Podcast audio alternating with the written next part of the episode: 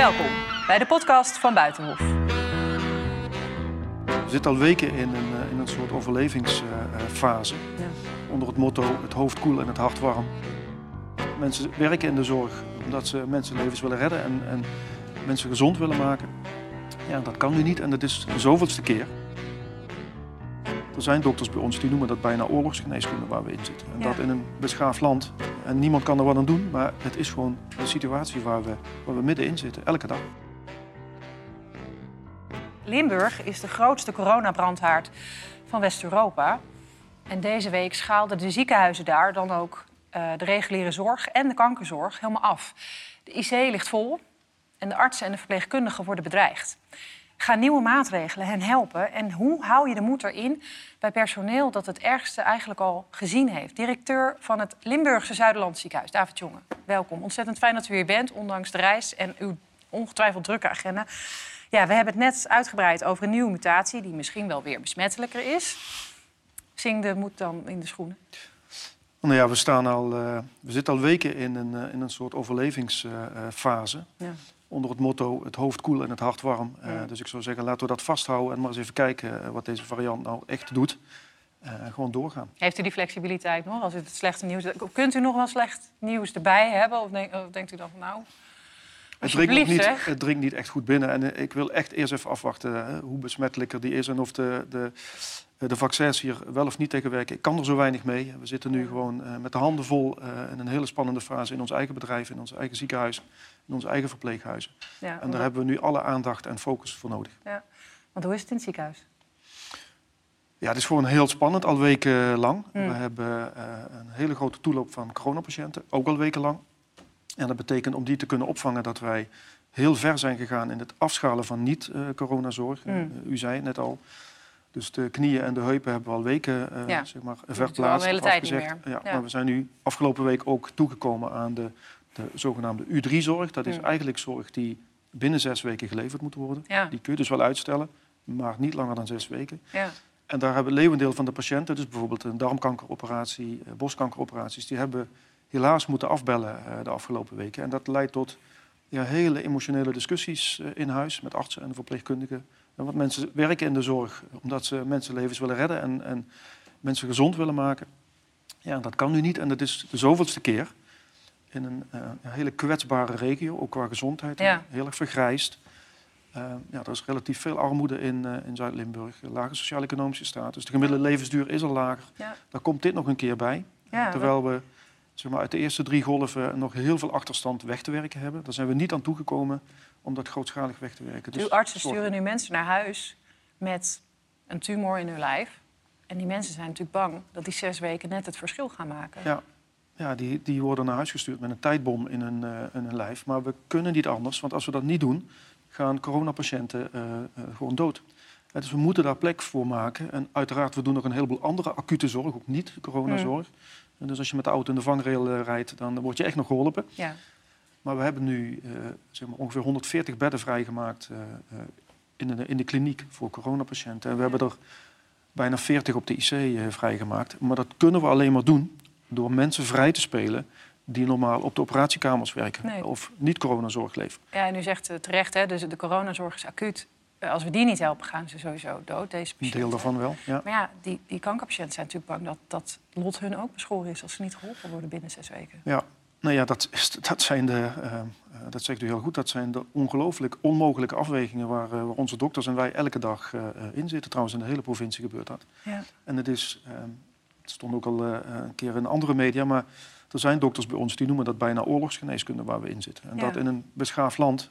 En niemand kan er wat aan doen, maar het is gewoon de situatie waar we, waar we middenin zitten, elke dag. Ja, laten we even kijken naar uw dokters, want die hebben een filmpje opgenomen. en Dat kwam deze week op Facebook. Eh, we hebben daar een fragment van, dat kunnen we even zien. Een extreme situatie, eh, wat we voor, voorheen nooit voor mogelijk hadden gehouden. Eh, maar je kunt het inderdaad denk, eh, vergelijken met een oorlogssituatie. Alles wordt een discussie. Het geven van fractieperine, wat we dagelijks doen bij patiënten, kan ertoe leiden dat ze zeggen: ga je mijn vader nu vaccineren?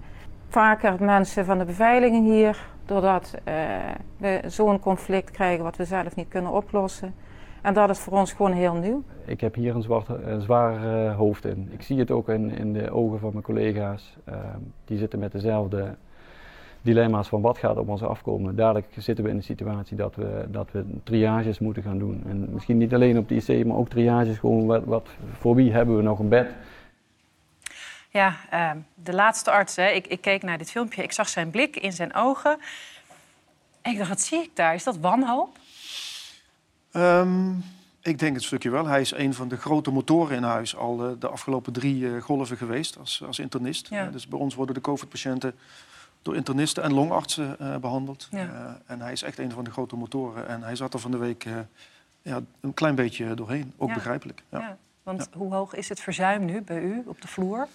Het is ongeveer 12,5 procent. Ja. Dat was drie weken geleden nog, uh, nog 9,5 procent. Dus het gaat hard. Er worden ook veel collega's uh, vallen uit omdat ze toch een coronabesmetting uh, hebben. Ja.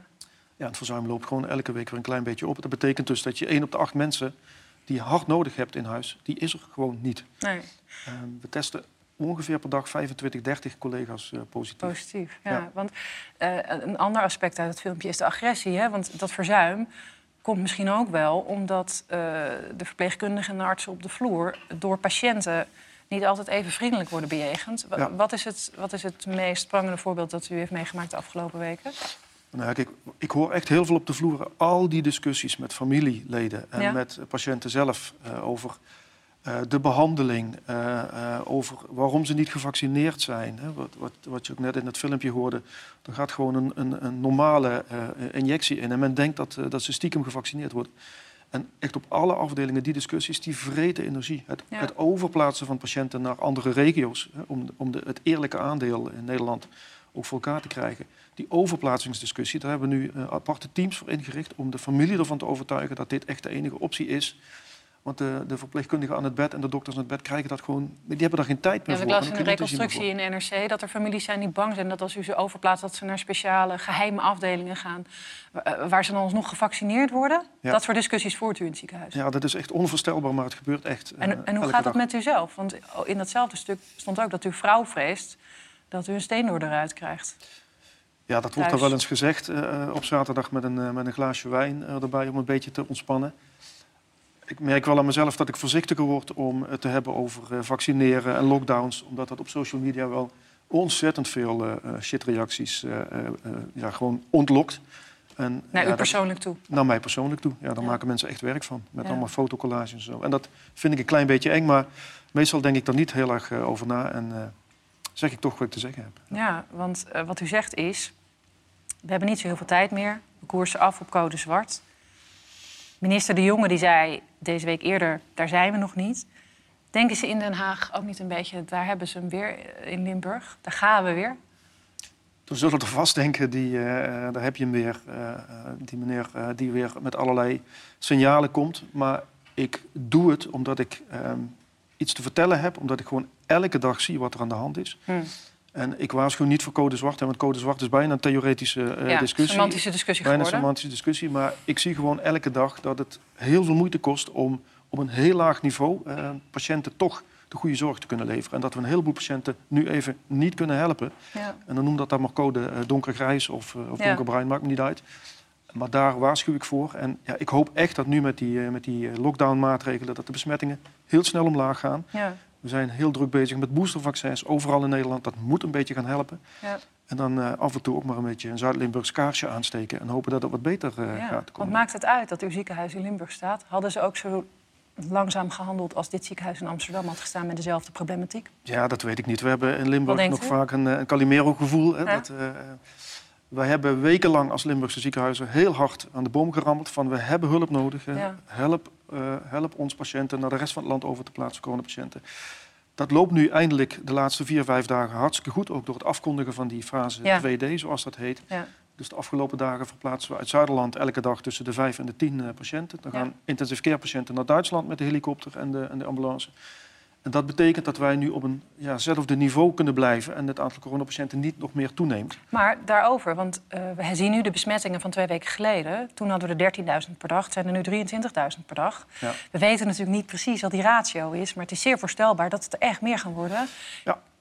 Koerst u niet sowieso af op Ja, dat is, dat het is het, scenario dat u wilt vermijden? ja, nou, maar dat is het allerspannendste. Hè. Dus we hebben zelf ook van die eh, mensen die voorspellen in huis. eh, en die voorspellen de komende week gewoon ondanks het overplaatsen, gewoon echt nog flinke stijgingen van het aantal coronapatiënten. Nou, de brandhaard van West-Europa. Ja. Eh, en op een gegeven moment komt er bij ons eh, een grens aan wat we nog echt aan kunnen. Ja. Ehm, daarom is het ook zo belangrijk eh, dat we eh, geholpen worden door collega's in het land. En dat er Ja. elke dag bedden beschikbaar komen. Dan houden wij het wat langer vol. Duidelijk. Mag ik u bedanken voor uw komst naar de studio. Graag gedaan. Dank je wel.